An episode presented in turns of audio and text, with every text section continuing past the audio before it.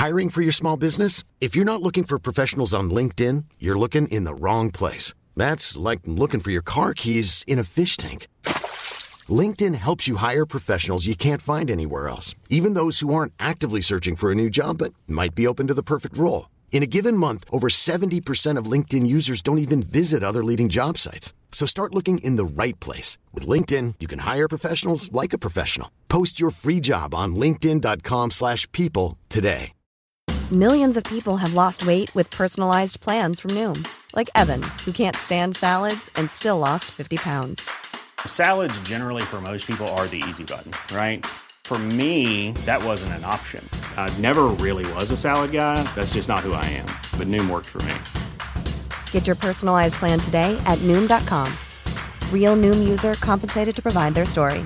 In four weeks, the typical Noom user can expect to lose one to two pounds per week. Individual results may vary.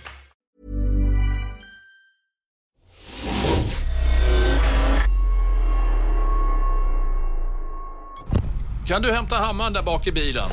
Nej, fan! Snabba på nu! Man hittar ju ingenting i den här förbannade röran. Har du bilen som arbetsplats så skapar Work System ordning och reda med bilinredning till marknadens bästa pris. Sväng förbi din närmaste anläggning eller besök oss på worksystem.com.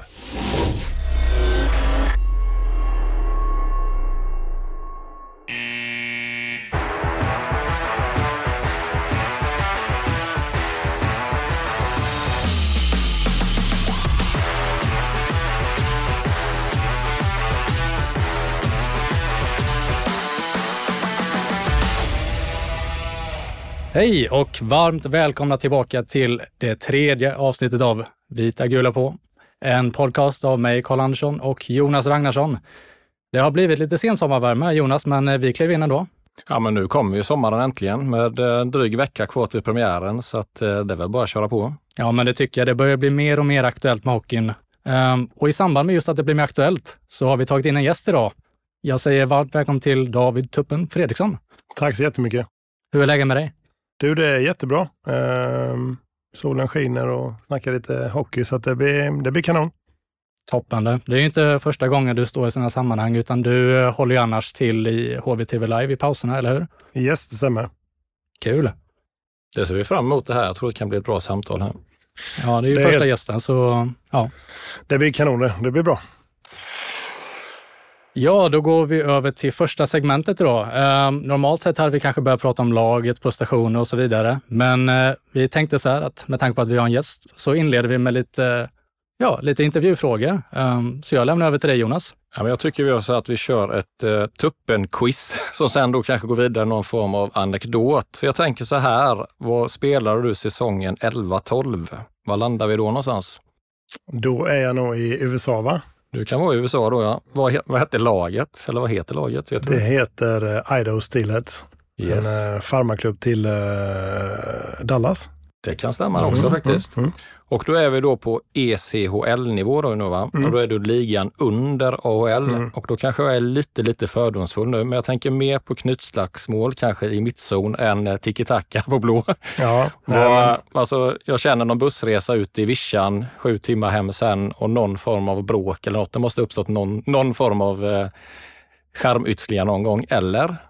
Nej, men eh, absolut. Eh, vi hade dock väldigt mycket lag. Det ligger ganska centralt i USA. ju. Eh, vi hade ganska mycket lag på Kalifornien, så vi flög oftast.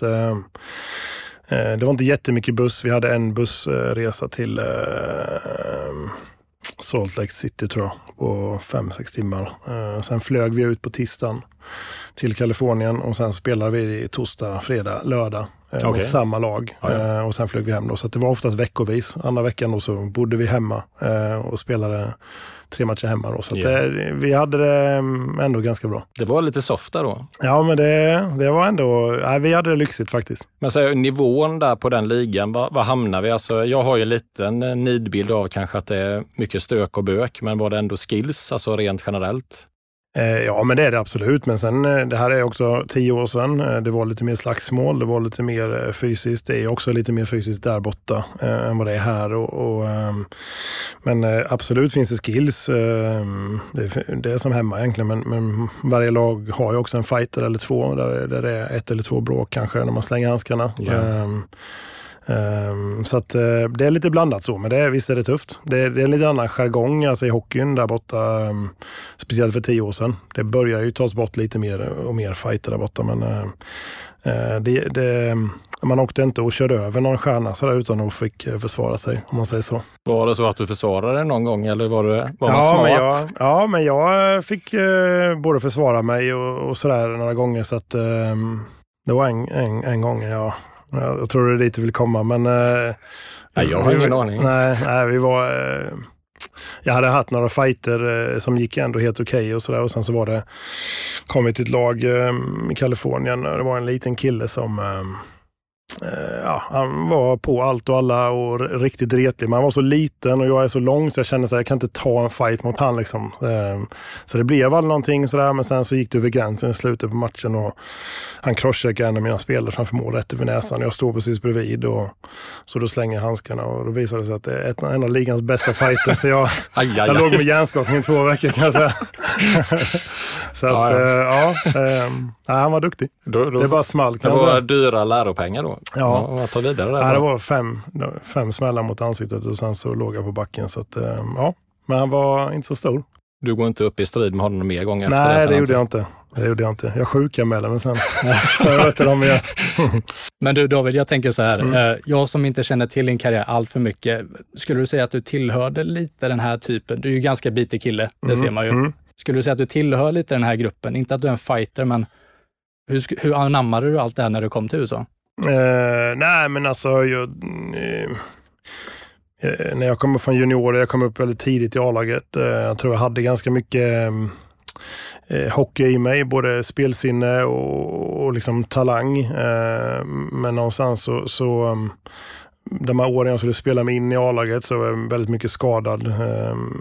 Jag tror jag var i Eh, sju, åtta år i, i HV och hade nog en långtidsskada nästan varje år. Så att jag de här åren när jag skulle blomma ut och ta en riktig plats, de kom aldrig riktigt. Så att, eh, det var oftast tredje, fjärde, femman och då var det lite den typen. Jag använde min storlek. Eh, så att eh, det blev nog lite så på senare dagar. Eh, att, eh, att det blev lite den speltypen. Eh. men i USA var jag inte den alls, utan då var jag en första femma sådär, och, och, och skapade. Liksom, sådär. Men jag har alltid fullföljt och liksom, eh, vattade och hettat till och lite sånt där. Så att, eh, nej, men det ja, jag hade nog mer i mig än vad jag kanske fick ut på, på planen. Så. Är det något som skaver lite när du tänker tillbaka nu? Att de här långtidsskadorna, klart det förstör och sen att kanske bli placerad i ett fack? Eh, ja, inte stör så. Det är, det är ju livets gång så. Jag kan ju inte rå för det sådär. Men det är klart att de åren när man jag tänker typ som Sjöholm och Molgar, de här som, som försöker eh, etablera sig nu och gör det. Liksom. Klart får de en långtidsskada innan de liksom blommar ut och blir den riktigt eh, givna spelaren så är det klart att då, då halkar du efter och du kommer aldrig liksom riktigt upp. Eh, så att eh, det grämer mig inte, men det är klart att det är lite tråkigt och det hämmar min karriär, absolut. Ja. Men du, vi fortsätter på tuppens resa. Mm. Säsongen 12-13, vad huserar du då? Då var jag i Frankrike och spelade golf med Åkerman. och lite hockey också. Ja, det var lite hockey. Men där så jag var jag tvungen att söka upp lite. Jag har faktiskt dålig koll på franska ligan. Jag, ska väl, jag tror inte ens Karl visste om det här. Nej, För jag sa till dig i en bisats i veckan här att han spelade tillsammans med Johan Åkerman och då fick man ju leta långt i arkivet där. Men, eh, men det blev eh, ligaguld och cupguld där, det stämmer ja, det? Ja.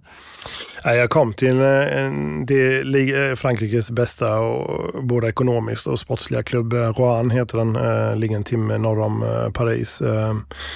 Eh, så jag kom till en väldigt bra, bra klubb eh, och eh, under försäsongen där så letade vi en back och jag tipsade om Åkerman och han kom framåt september någonting tror jag. Så att, äh, det var ett roligt år. Vi är topplag och vi eh, tränade förmiddagar och sen åt vi lunch på stan och gick ut och spelade golf på eftermiddagarna. Så det, var, det var väldigt bra, men det var inte riktigt så generös, eller generös som kanske man var van vid. Det var ganska risa, risiga hallar. Eh, eh, man satt och åkte buss, eh, en sån här sovbuss hela nätterna och kom fram på morgonen och sen så lite matchvärmning någonstans i Alperna kanske och 450 pers på läktaren på, yeah. i vissa. Så det, det var de bottenlagen var väldigt dåliga. Eh, topplagen, eh, säkert en allsvensk. Eh, vi spelade någonting som heter Continental Cup då. Så okay. vi var i eh, Ukraina och spelade tror jag mot eh, ja, något lag som är med i KL eller vad. Eh, så att, eh, det var ändå på en, på en bra nivå när vi kom ut och spelade de här kupperna. Men eh, ligan var lite blandad så. Men ett härligt äventyr kan jag ja, tänka mig. verkligen. verkligen gott väder och god mat och, och bra golf då med ja, ja, men det var ändå, det är dock i, det är inte de södra delarna, men eh, det var ändå, nej, det var bra. Då kommer vi till sista stationen mm. då. Då spolar vi tillbaka tiden till säsongen 09-10. Var var du då någonstans? Eh, då var jag i Södertälje va? Yes, mm. det är rätt. Jag har fått lite när man gör research här nu då, så har jag fått, eh, mm. man tittar på den laguppställningen, då fanns en viss Stefan Pettersson, gamle mm. HV-spelaren mm. och även då eh, Klasen. Va? Mm, precis. Då tänker jag att det kan vara ett och annat upptåg eller, och tränare, en liten halvstrikt Peter Popovic eller? Ja, ja. ja. Jag vet inte om du vill komma till skrattanfallet? Ja, det ta, du är fri att välja. Ja, nej, men vi, jag kom till Södertälje, jag var i HV i många år och sen så hade vi Stefan Pettersson där ju, eh, som jag connectade mycket med. Så att, eh, det, det var och är en nära vän. Så att, eh, sen så var det ett gäng med mig och Stefan och Klasen och Freddan Andersson som är Björklöven. Ja, eh, Linus Widell och eh, ja, men vi var ett ganska mm, okej okay lag. Så. Men, Profiltätt eh, får man säga. Ja, men lite så. Eh, men så var det en gång, Stefan är mm, en ganska sjuk människa. Så en rolig, jättehärlig människa, men väldigt rolig också. Men vi skulle åka och spela säsongens tuffaste bortamatch, Skellefteå borta. Och vi kom upp på matchgenomgången och det vet ju alla som när chefen pratar eller när headcoach pratar, speciellt inför en match och sådär, så är det liksom Ja, men man sitter inte och gör något annat utan det är tyst. Det är tyst liksom. Eh, och det är ett ganska avlångt omklädningsrum. Vi sitter ganska långt bak. Eh, Popovic står till, till höger längst ner och Stefan sitter bakom mig så jag ser inte Stefan. Men eh, mitt i det här mötet så, så hör jag att, att Stefan börjar fnittra. Uh, och jag tittar bak och han sitter och, och du vet det här riktiga garvanfallet. Där liksom han sitter och försöker hålla andan men det, det, det låter ju liksom. Yeah. Och jag bara kände så här, inte nu. Uh, men det är också ganska svårt när man kommer där själv att sluta skratta. Så att det slutar med att uh, Popovic är ju också ganska hård. Så, så det var ju liksom inte så här. Han frågade vad fan vi höll på med rent ut sagt. Uh, och vi kunde inte sluta garva. Efter det här mötet så kallade han in oss i hans tränarrum där uppe. Det är alltså en och en halv timme innan match. Ehm, och då är jag livrädd. Alltså då är jag så här, nu, nu är det på allvar liksom. Ehm, sen ser jag i det här tränarrummet när han frågar vad fan vi håller på med. Jag står nästan skakar och bara, du, jag, jag vet inte, vi fick bara något skrattanfall. Då ser jag att Stefan dra över sin tröja. Men han drar liksom inte igenom hela tröjan. Han, huvudet kommer liksom aldrig ut. Då har han fått ett till skrattanfall under tränaren. Jag bara hör han kämpar under. Och jag bara tänker, din idiot, alltså vad gör jag? Så det var... Ja, den var, vi spelade en period, jag och Stefan stod 0-4 då, ja. sen fick inte vi spela med.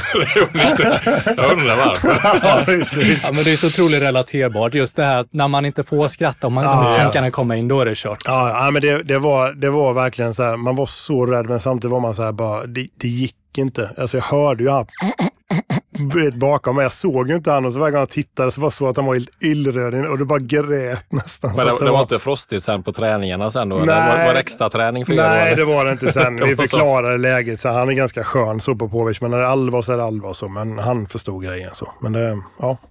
Du har aldrig frågat Pettersson vad, vad det var som började allt där? Nej, det är ganska intressant det nej, det, jag, nej, jag kommer inte ihåg om jag frågade det, men eh, det var nog bara något så här litet. Så. Det kan ju vara allt ifrån att man, man står och lyssnar på samma grejer varje dag och liksom man kanske har pratat, när man säger alltid de här orden. Det är samma det är sak, samma du vet sak. vad som kommer. Och sen så börjar det, du vet, och så, bara, så börjar det så. så att, eh, nej, jag vet inte. Nej. Ja, då har vi kommit in på försäsongen 2023-2024 nu då. Um, man kan ju alltid utkristallisera lika mycket som alla andra säsonger, men eh, Ja, jag vill ju egentligen börja gå, gå igenom resultaten, om det känns Yes. okej med er. Eh, vi har då sex matcher spelade, va? Fem, va? Fem kanske det är till och med. Ja. Eh, vi började med Frölunda i alla fall, Ja. där vi förlorade. Vi mötte Djurgården, där vi vann. Visby, där vi vann också. Så mötte vi också Frölunda sen, eller hur? Fast det var kanske i början på Skövde på eh, eh, Gotlandsresan, eller hur? Det stämmer. Det. Nej, det blir sex matcher. Det är jag som står här och försöker stå det på fingrarna. Ja, du, jag tänkte, ja. har, har jag missat Så det? jag, jag ska Det aldrig därför gå upp Karl. Ja, det, jag blev riktigt förvirrad där. Ja, ja. Hur som helst, vi har två vinster och fyra förluster. Ehm, och min allmänna känsla är att Eh, såklart, det finns ju alltid en början och ett slut på, ett för, på en försäsong. Och jag vill ändå på något sätt dela upp de här matcherna i två läger. Där jag har de fyra första matcherna, det vill säga första Frölunda-matchen hemma och eh, Gotlandsresan på en sida, medan vi har Oskarshamn och Örebro på den andra. Eh, jag tycker mig se liksom mycket bättre spel Eh, mycket, alltså i alla fall mycket bra förbättring eh, i de två sista matcherna där. Eh, jag vet inte vad du tänker Jonas? Ja, men jag tänker väl så här på försäsongen att jag skiter egentligen vad det står på tavlan efter 60 minuter. Därmed jag kan tycka att man kan gå in lite mer på individnivå. Man kan titta om en tilltänkt kedja spelar ihop. Man kan titta eventuella backpar, hur det ser ut. Och sen kan man se vissa, vissa förbättringar i det. Och sen så är det ju alltså varje spelare har ju liksom sin process fram till serien här. Det har ju kommit lite då inspel om att Borgström har sett väldigt seg och trött ut i början. Men det är bara att kolla då. Han spelade ju slutspel i AHL till midsommar tror jag. Stämmer. Och sen hem till Finland och sen till Jönköping en sväng, sen tillbaka till Finland för militärtjänstgöring, tillbaka till Jönköping, tillbaka till Finland igen. Stor is, nya lagkompisar, ny tränarkonstellation. Jag menar, det finns ju inte en chans att han skulle kunna gå in och prestera på någon form av nivå egentligen, utan där, där får man ju ge det 10-15 matcher innan, i SHL innan man ens kan ge ett betyg i stort sett. Då. Medan Mm. då kanske andra hand kan ha en sån som Nettinen som varit frisk och hel från slutet av förra säsongen, tränat på bra och ser ju ut som en helt ny spelare den här säsongen egentligen. Ja, och jag tycker man får vara lite snäll också för att vi har ju luftat laguppställningen ganska mycket just med tanke på skador och att de behöver vilas. Eh, Och jag tänker första kedjan där med Borgström som du nämner. De har ju fått spela med en ny junior i princip varje match, han och Isak Brännström. Så de om någon har ju inte fått ha en någorlunda satt eh, eh kedjeformation där. Nej, så är det. Ja, Tuppen, vad har du för tankar om försäsongen rent allmänt? Eh, nej, men jag tycker ni är inne på, på rätt spår. Eh, någonstans är det så här, det är ganska många nya spelare. Eh, många nya spelare som inte har varit i ligan innan. Eh, några som ni nämner här med, med Borgström, Ticka, Seppele och de här. Så att eh, eh, Frölunda-matchen tyckte jag väl att eh, den var helt okej stundtals, men det var alldeles för många det är för, för låga dippar eh, under matchens gång under 60 minuter. Eh, Eh, men hade ändå en, en, en bra topp i, i mitten på andra och kom upp lite och sen så orkade de inte riktigt med i, i sista. Så att, eh, sen tycker jag väl att det sett bättre och bättre ut. Eh, det som jag tycker är bättre, jag, jag, försvarsspelet har inte varit så bra i början. Eh, man ser att de har svårt att sortera, svårt att ligga rätt, släpper till lite för lätta eh, skottchanser egentligen Ja. i, i det farliga sektorn. Men jag tycker också blivit bättre mot eh, Oskarshamn och Örebro var det inte riktigt lika eh, så. Så jag tycker ändå att det, det, det är på rätt väg. Men, eh, men sen är vi i en process. Eh, eh, det här med resultat, jag vet inte. För två år sedan när HV åkte ut så vann de väl varje match. Det var väl det bästa laget på försäsongen tror jag. Ja, sen, så, så att det, och sen är det också, vi har haft André borta, vi har haft många, Ticka varit borta ganska mycket, så att um, Ortio har varit borta. Så att, um, nej, jag vet inte. Jag, jag, jag tycker ändå att vi är på rätt väg och man får verkligen ha tålamod uh, uh, för att det är ganska många nya. Men om man säger till din egna karriär när du spelade, vad hade du för, jag tänker första försäsongsveckan någon gång i april kanske? Då är det fyra månader kvar till premiären någonstans långt borta i horisonten där. Hur var ditt, delade du upp det i smådelar, liksom försäsong off ice eller var det liksom en lång resa bara för att du skulle vara redo första omgången eller hur, hur funkar det i, i, en, i en sån kontext?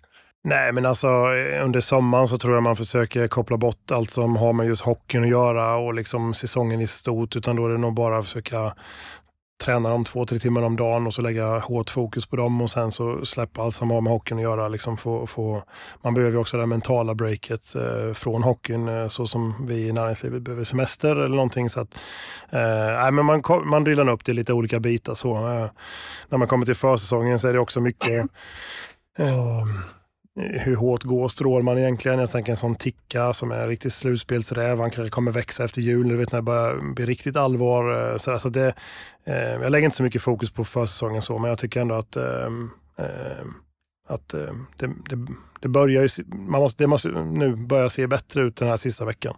Det är väl lite som du säger också, det finns också en skillnad från den där junioren som krigar för den 12-13 forwardsplatsen mm. som verkligen varje träning, varje träningsmatch är ju hans SM-final egentligen för ja. att visa platsen. Ja. Sen i andra änden har du den där rutinerade 35-åringen som liksom vet precis vad han ska göra med kost och sömn för att han ska vara där när serien börjar. Ja. Det är något, antar att det är något han kör igenom bara försäsong och träningsmatcher och känner efter lite liksom att nu är jag klar.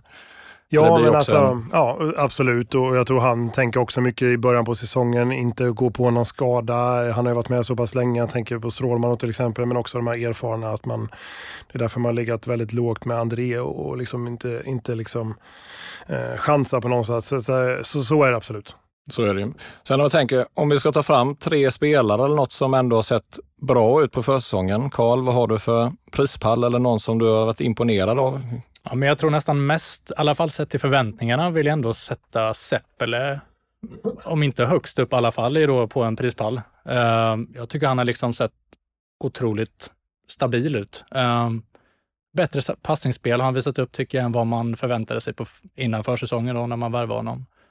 Ehm, bara en otrolig jätte liksom, som inte gjort så mycket slarvig fel hittills som man kanske hade fått räkna med. Just med tanke på vad han är här för att göra för någonting. Uh, Anton Strålman absolut är uppe också. Nu är det konstigt att man lyfter två backar när vi pratar om att försvarsspelet varit ifrågasatt än så länge. Uh, annars, uh, ja, jag lämnar den tredje uppe kanske till dig om du har någon. Ja, jag har skrivit ner Seppele, Strålman och Nettinen. Jag tycker han, men då har jag gått hårt åt honom i kanske någon podd innan. Men det är också det, vad som hände förra säsongen med skador och sjukdomar. Och, men det var väl något han också fick ett A, att han har ju då förmodligen ett förtroende i laget som jag var inne på innan. Då. Eh, som han ser ju ut som en helt ny spelare och så kan hålla i det så har man ju en center som vill högre upp i hierarkin tänker jag. Framförallt i Örebro-matchen. Du var ju där och kollade David. Ja, uh, nej, men, uh, jag tycker ni är inne på rätt spår. Jag tycker man såg redan första matchen mot Frölunda med Strålman. Jag tycker att han eh, har det i sig på något sätt. Många tycker att han är lite äldre, han är på dekis med sin karriär. Men sen, det folk måste veta att han är en av de bäst tränade i laget. Han är väldigt noggrann med sin kropp. Eh, vann en del fystest eh, vet jag. Så att, eh, eh, jag tycker att han, jag, jag, tror han kommer bli bra. Man ser också att han har spelet i sig till skillnad från kanske mm, lite tuffare när Jalle kom kanske. Det är också två helt olika backar. Eh, men, men Strålman är ju duktig med puck och hittar lösningar och ganska mobil med sina skridskoåkning och rörlig och sådär. Så att, eh, ja, jag tror han kommer vara väldigt nyttig. Ja, nej, jag tycker vi var ju på någon isträning i början, om det var premiären där. Nu ska man inte dra några växlar alls så, men jag tyckte bara man såg efter liksom den timmen där att, att shit vad fin han är. Alltså rörlig liksom och ändå smidig, ändå rätt stor. Och det är just det att han satte ju alltid första pass på blad. Ja. Och väldigt lugn i, i egen zon och håller i puck när det krävs.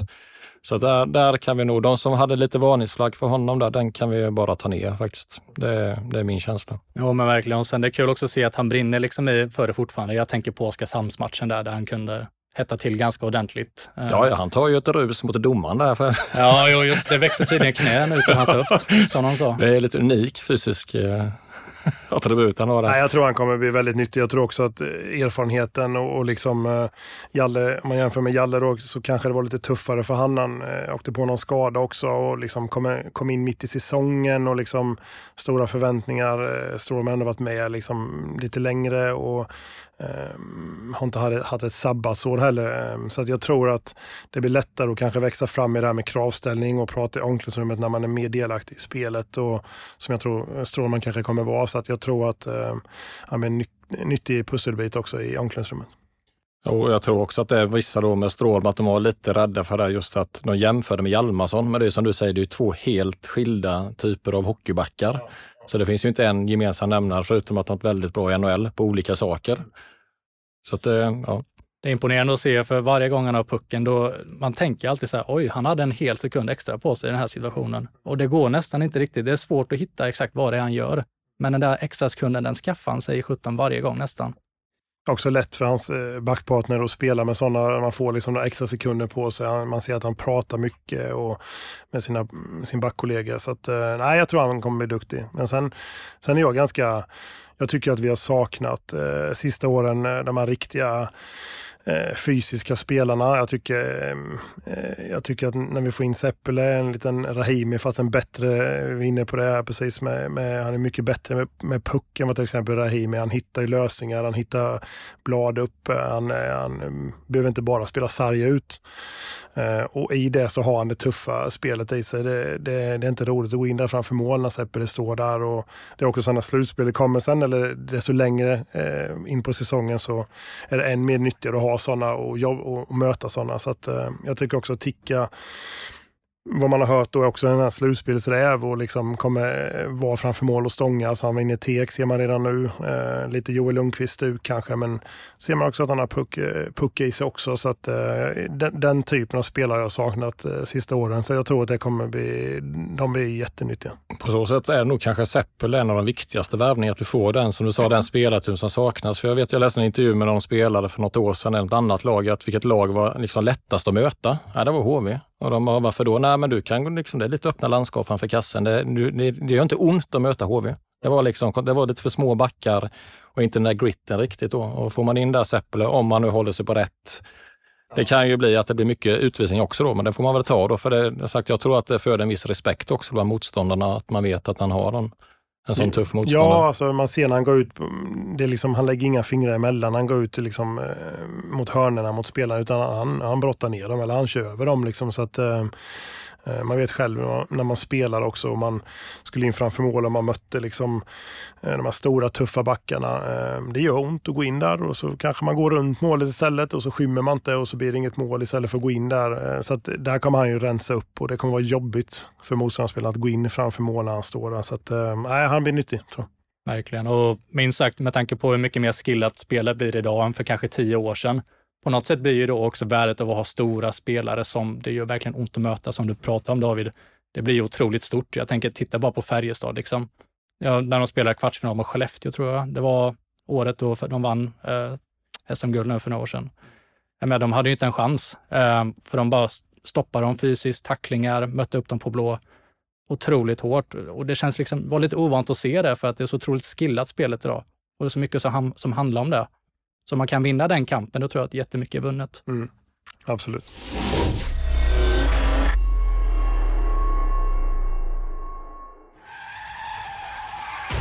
Har du bilen som arbetsplats? Låt inte lasten bli en livsfara. Vi på Work System hjälper dig att säkra lasten och skapar samtidigt ordning och reda i din bil. Lär dig hur du lastar säkert och hitta din närmaste anläggning på worksystem.com.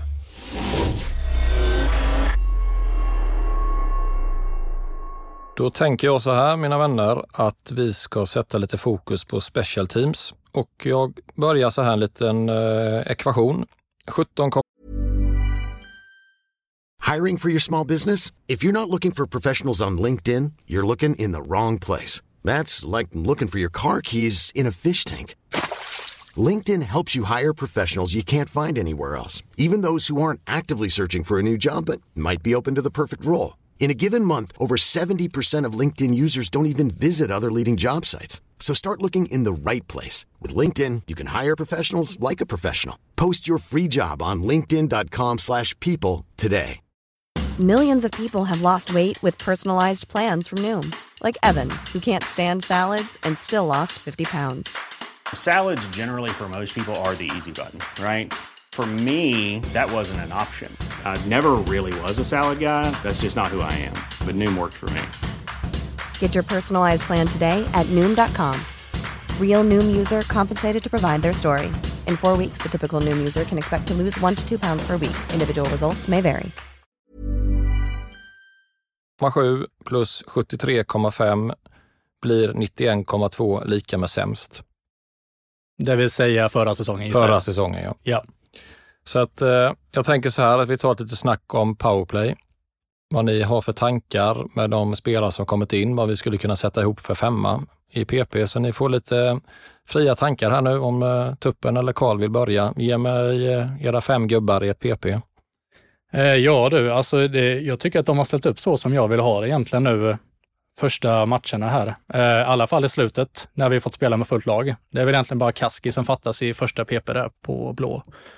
Annars har de ju spelat eh, Henrik Borgström på höger eh, och en Stål Yrenäs till vänster där eh, egentligen André Pettersson ska stå då. Det kan vi ju slå fast. Det kan vi nog bestämma, ja. Ja, och så har vi haft en Brännström och så en Ticka som klivit in lite där i mitten istället för Lench senaste matcherna. Um, och jag tycker om detta väldigt mycket just för att uh, vi har liksom hot, väldigt bra hot på alla positioner tycker jag. Kaski har, vi, har ju ett jättebra skott, det såg vi i Djurgårdsmatchen där de, han gjorde två mål tror jag va? Um, och så har vi då en André Pettersson som vi inte behöver prata om ens vad han kan göra. Um, och så har vi en Borgström som jag tycker är väldigt intressant där ute, för han spelar som sagt till höger och är rightare. Det vill säga han har bladet mot sargen um, och har därmed, eh, du får rätta mig om jag har fel David, men han har en bättre passningsvinkel där skulle jag säga över till André Pettersson. Um, vilket är väldigt intressant, samt att vi såg att, ja, vi såg ju skottet han hade i Örebro-matchen där i powerplay när han nöp, nöp upp den i krysset. Uh, Ticka eh, framför mål, otroligt stark. Eh, och en Isak Brännström som är världsstjärna på att vinna, vinna tillbaka pucken när den väl tappats i offensiv zon. Eh, tankar David? Uh, ja, nej men eh, jag hör vad du säger. Uh, för mig, man har ju oftast två powerplay femmor, uh, eh, två enheter.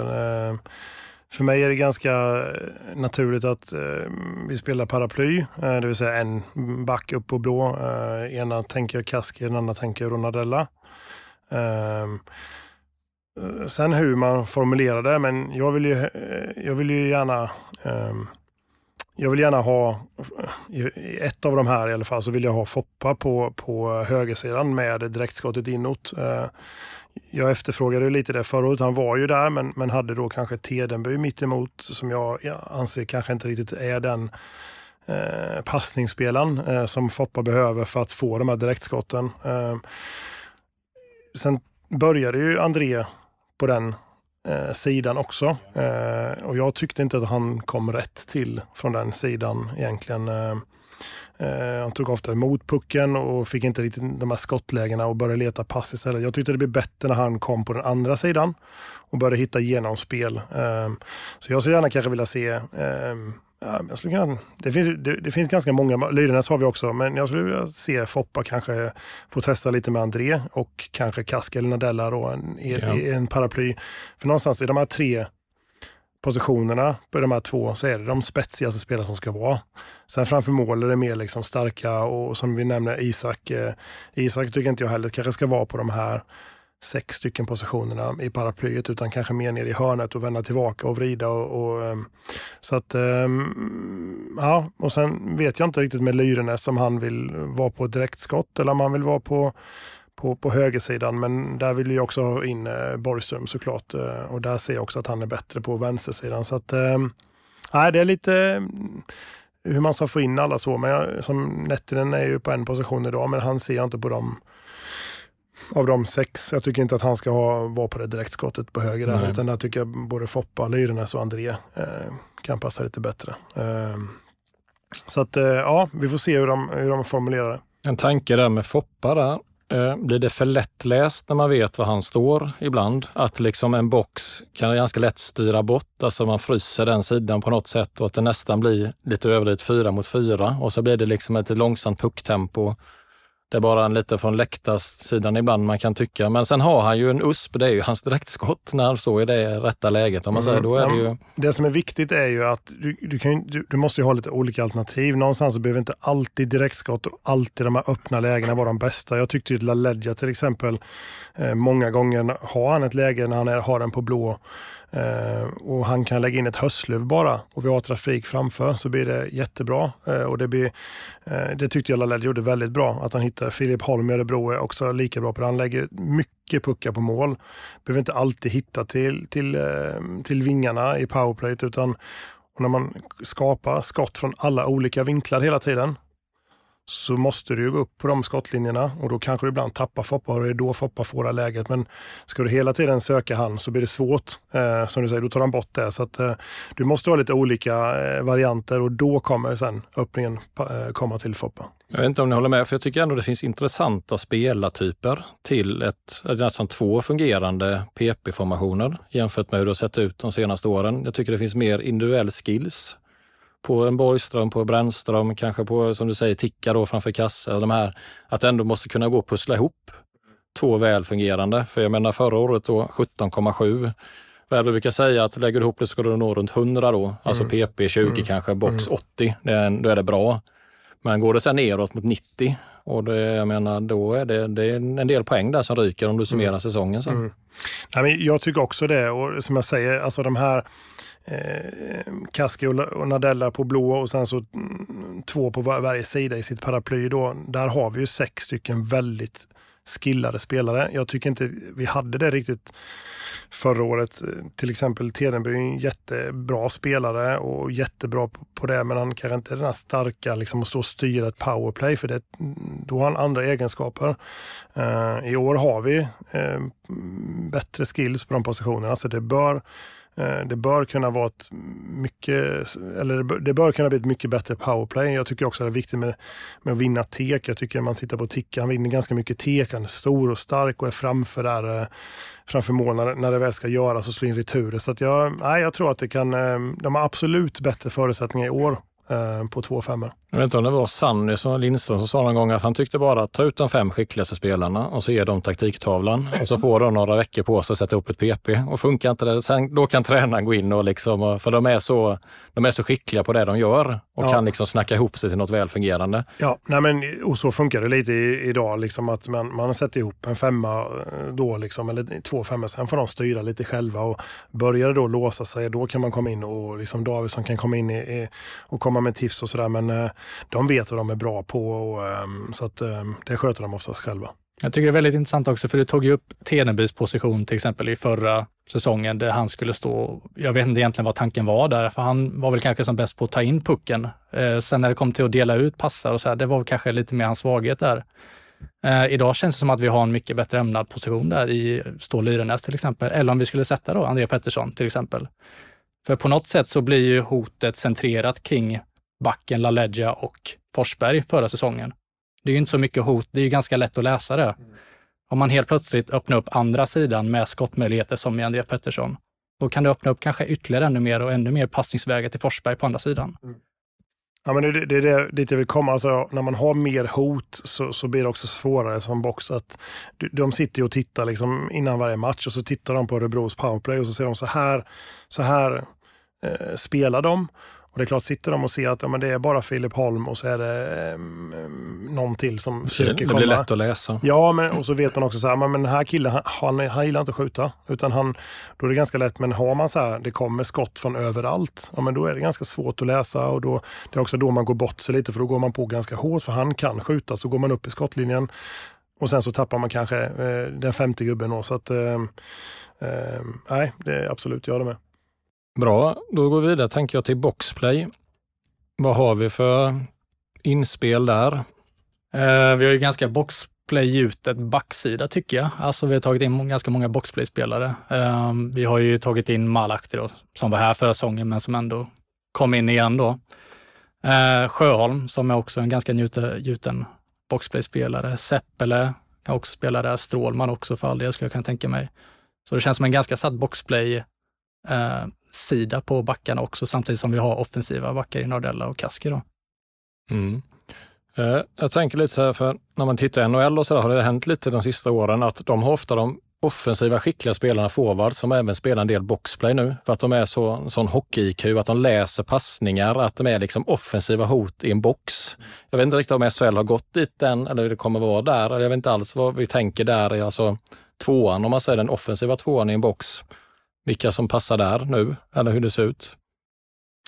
Uh, ja, det, det, vi såg ju Wessel till exempel, spelade mycket boxplay, gjorde det bra och läste. Och, och, men sen så måste du också hitta de här som om man tittar på de som har bra boxplay, dels så sätter de press i rätt läge och sätter de inte press och de känner att de inte har läge så, så går de in i sin lilla box och så täcker de väldigt mycket skott. Eh, Mm, jag tror att jag hade uppe det lite förra och tyckte liksom att, att man kan försöka täcka mer skott och få mer skott på sig. Ehm, så, ehm, men, men visst har de bättre förutsättningar också. Backen. Jag tyckte det var en jättestor skillnad vi var inne på Malak när han kom till exempel. En riktig så här tvåvägsback som spelar smart, rejält eh, men kan ändå föra sig med, med spelet med puck. Eh, eh boxade ut. Man pratar ju också mm, alltså backar det här med att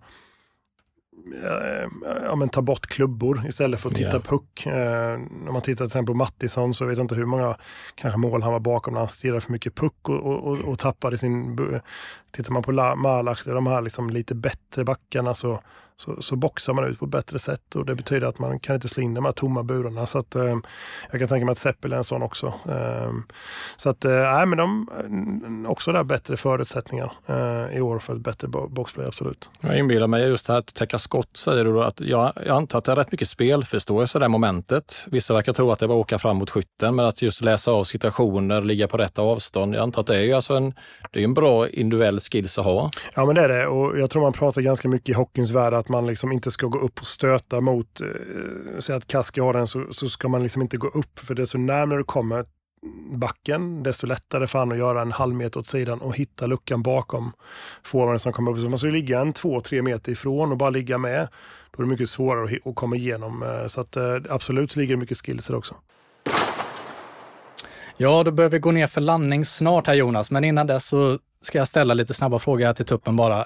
Um, vi har ju tidigare diskuterat ganska många frågetecken, både i laguppställningen, kring klubben generellt och ja, egentligen vad som, allting som gäller HV71.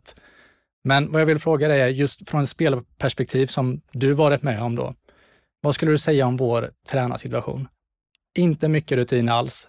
Samtidigt som man kan argumentera för kanske varje tränare på sin grej.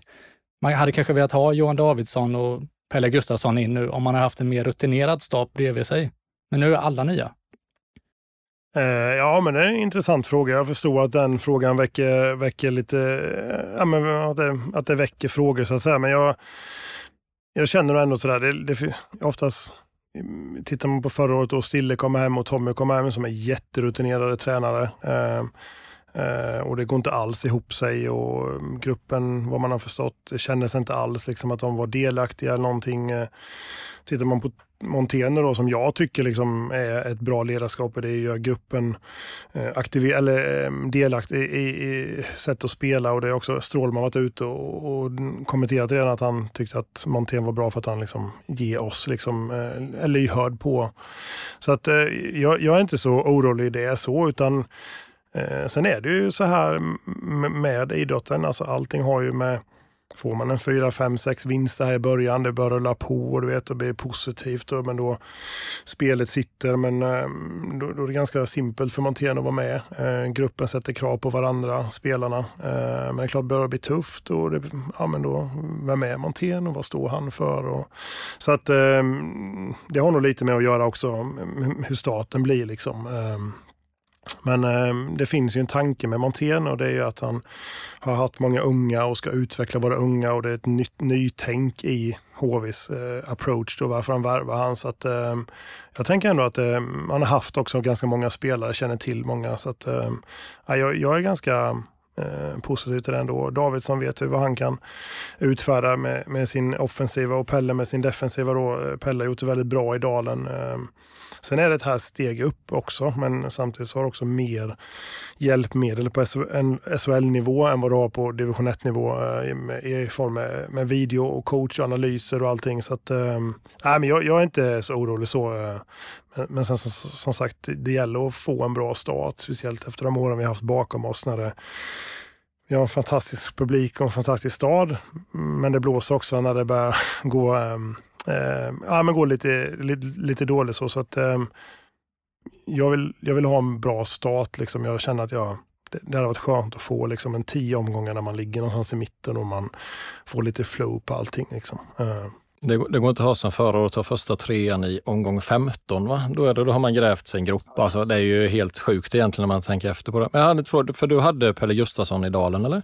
Ja, precis. Ja, vad yes. har vi, alltså, alla får höra att det är en genuin hockeymänniska.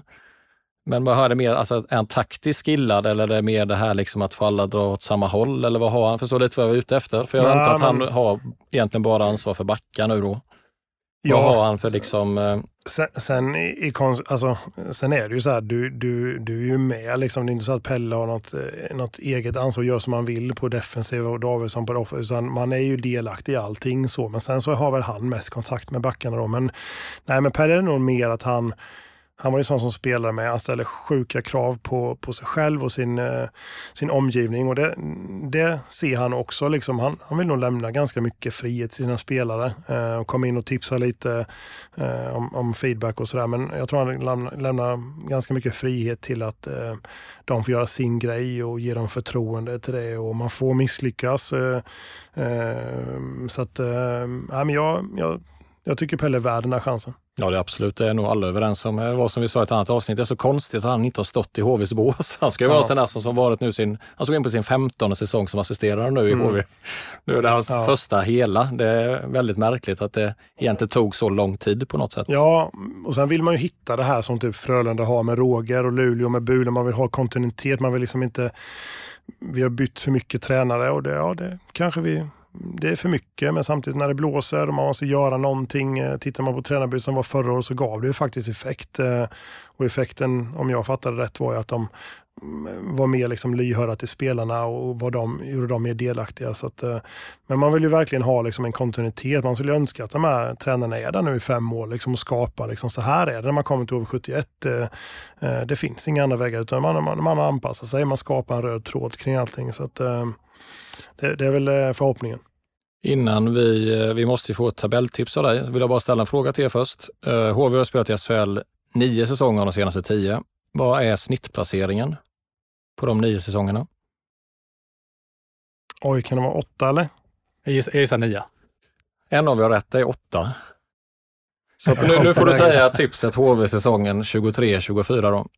Eh, jag, jag, tycker den är, jag tycker det är svårt att tippa. Så här, jag tycker liksom allt har sin... Eh, jag tänker på försäsong då, när vi pratade innan, då tycker jag så här, men eh, är det så viktigt med resultat? Nej, men det kanske det inte är. Liksom. Man får ha tålamod. Det jag tycker är viktigt med en försäsong är att kanske att man skapar någon slags eh, kravställning på, liksom, jag vet exakt hur det var när jag spelade i HV. Det var liksom det, kravställen kom inte från tränarna utan det kom från spelarna själva. Det var Davidsson, det var Liv, Petrasek. Det, liksom, det spelar ingen roll om vi var ute och sprang eller vad det var. Pelle skällde ut mig en gång på Dumme Mosse eh, för att jag inte hade tagit i ordentligt. Så, här. så det, den skulle jag vilja skapa i men, men hur, hur skapar man det? Eller värvar men- man sådana individer som har det i DNA eller kan man skapa det i en grupp? Nej, men jag tror att, att eh, dels så ska du vara sån som människa liksom, eh, och det var ju inte så här, det kan ju på min tid vara att man fick, fick en utskällning om du kom över röd och skulle dumpa pucken för att backen vill åka och byta. Så kanske du skulle dribbla på blå. Ja, men då vet jag att Pettan kommer skrika mot mig. Liksom. Men det skapar också att nästa gång när Pettan, ja, men då vet han ju att jag skrek på tuppen. Jag kan inte göra likadant nästa gång. Så det ställer också krav på sig själv när du ställer de här kraven på dina spelare. Men det som måste vara också då är att man kan skälla ut någon på en träning, man kan skälla ut någonting, men efter sen så är det fine.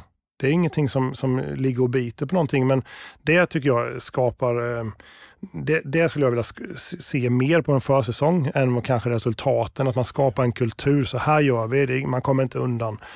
Men sen också eh, med placering, det har alltid med skador att göra. Men vi ser liksom, vi har haft ganska tunga borta på försäsongen. Och, eh, Eh, tunga namn borta. Eh, och sen får man en bra start och självförtroende kommer, ja men då kommer också resultaten. Men jag tror, får man igång den eh, i, inom laget, den här kravställan och man får några matcher, så tror jag att HV kan vara eh, absolut eh, upp och nosa på en slutspel. Eh, men man ska också ha, veta om det här att man vi är, man, jag kan också tänka så här att vi är HV och vi är topp tre-lag i Sverige och vi är den bästa.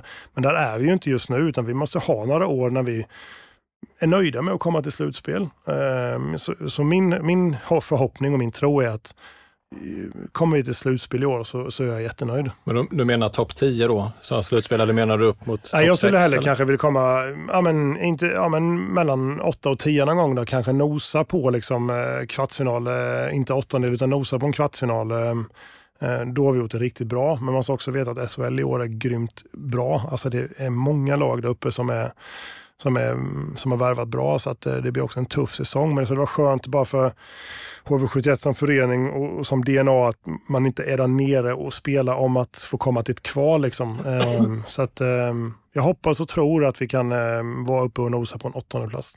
Och så bara det här var intressant med kravställan, just spelare mot spelare. Kan det vara, alltså det, det, är det lätt, tänker jag, att få den kravställan när man vinner matcher? Det är ganska lätt liksom att vara på varandra hela tiden. Men vem vågar då när kanske alla spelar dåligt? Förstår du lite vad jag menar? Vem vågar då liksom säga till någon för att jag är inte bättre jag själv? Det kanske är det som varit lite sista åren inbillar jag mig bara att det är väldigt svårt att gå i bräschen när man inte vinner matcher. Mm. Nej men så är det absolut. Det blir självspelande piano och så när man vinner och det liksom så här, men Sen, sen gäller det också liksom för varje individ att förstå liksom att får jag en utskällning av någonting så, så, eller man får en tillsägelse, fan typ pucken måste ner. Och då måste jag ta det på, på ett rätt sätt. Att Pettan vill ju att ja, vi ska vinna matcher, vi ska liksom framåt och det är också okej okay för mig så man inte får någon försvarsmekanism. För bör man få det i laget liksom, varje gång man beter sig, ja, då blir det obekvämt att liksom ställa de här kraven till varandra. Så att eh, det, det det hade varit, eh, om man har hört sig lite för så kanske det har varit lite ett dilemma de andra åren också, eh, sista åren, att det liksom inte har funnits den här gruppen. Alltså, det kan inte finnas bara en eller att montén står varje dag, utan det måste komma inifrån gruppen och från spelarna själva. Jag vet inte hur mycket André låter i omklädningsrummet nu, men om någonting så får man ju kapten nu som jag tänker lite aktigt, Michael Jordan-aktigt, kom upp till min nivå. Liksom. Det är mitt sätt att leda. Liksom. Mm. Ehm, jag håller den här nivån och jag kommer sätta krav på er. Liksom. Mm. Så det kan ju vara en skillnad man får i år, kanske än att man är bara naturlig ledare, att mm. man visar genom att prestera själv. Ja men absolut, det finns ju olika ledare och det är ju en ledarskap och så kanske det är någon som, som kör lite brandtal och liksom tittar man på David som, som var kapten under de flesta av mina så kunde han absolut prata och säga bra grejer med hans var ju Lidberg exempel på isen. Han, åkte, alltså han slet ju ihjäl sig varenda byte och det är klart när jag kom upp då eh, och, så, så, vill man ju inte göra det sämre. Att det skapar ju, när de bästa gör det här så skapar det på något sätt en kultur. Då kan du inte liksom, som tredje femma spelare liksom, inte göra det. Liksom. Eh, tittar man på det året när HV åkte ut så tyckte jag med Bergström och de här de var våra ledande spelare och jag tyckte inte alls att de var så. Det, det fanns liksom anledningar tycker jag att det, liksom, det blev som det blev. Så att, eh, det här med Lidberg-exempel, alla är inte de här som står och pratar utan man kan få, få visa på, på andra sätt. Då har vi André på isen och så har vi Strålman i omklädningsrummet då inbillar jag mig. Ja, nej, men något sånt absolut. Skulle gissa det. Ja, innan vi släpper tuppen på semesterresa så ska vi ha ett litet segment kvar bara. Jag kommer bara vilja ha snabba svar. Det är ett namn jag vill ha eller en företeelse. Så att vi börjar med tuppen och då är det första lagets poängkung. Eh, André Pettersson. Karl? André Pettersson. Då tar vi målkung.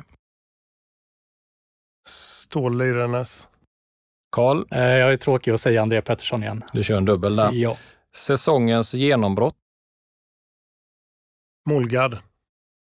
Karl? Eh, ja, eh, jag funderar på Mullgård, men jag tror jag tar ändå Sjöholm. Eh, jag tror han utvecklar mer än bara det defensiva spelet i år.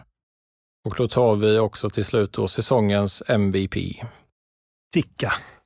Ja, det gillar vi. Den, den, ja, gillar den hade jag, jag gillar Jag hade inte gissat den själv. Men, uh... Nej, jag, tycker de har, jag, jag, tycker de har saknat den typen av spelare, så jag tror att han kan bli eh, nyttig och lite en publikfavorit med och nyttig framför mål och sådär. Så att jag, nej, jag tror Ticke.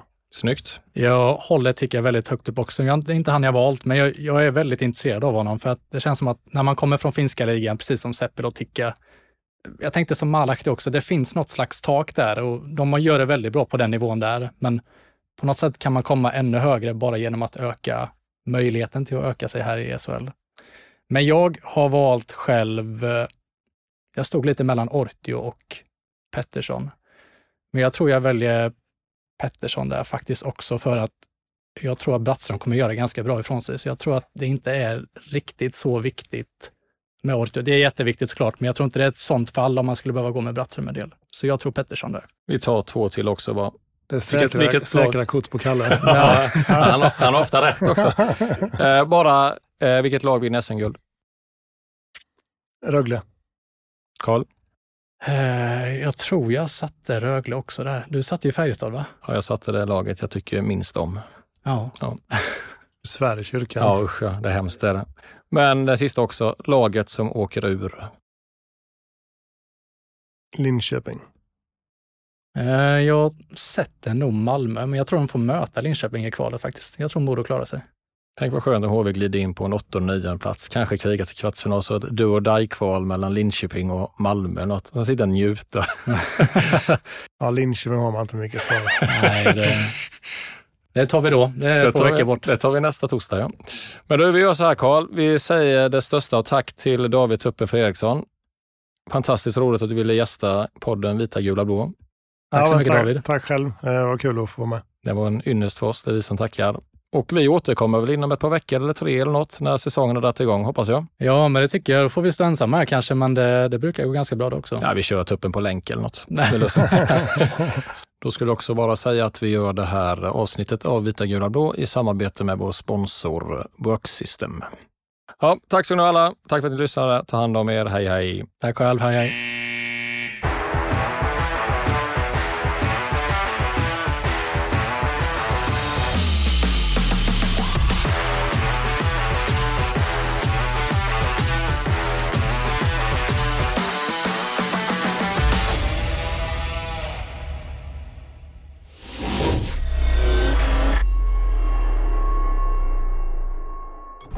Kan du hämta hammaren där bak i bilen? Nej, fan! Snabba på nu! Man hittar ju ingenting i den här förbannade röran. Har du bilen som arbetsplats så skapar Worksystem ordning och reda med bilinredning till marknadens bästa pris. Sväng förbi din närmaste anläggning eller besök oss på worksystem.com.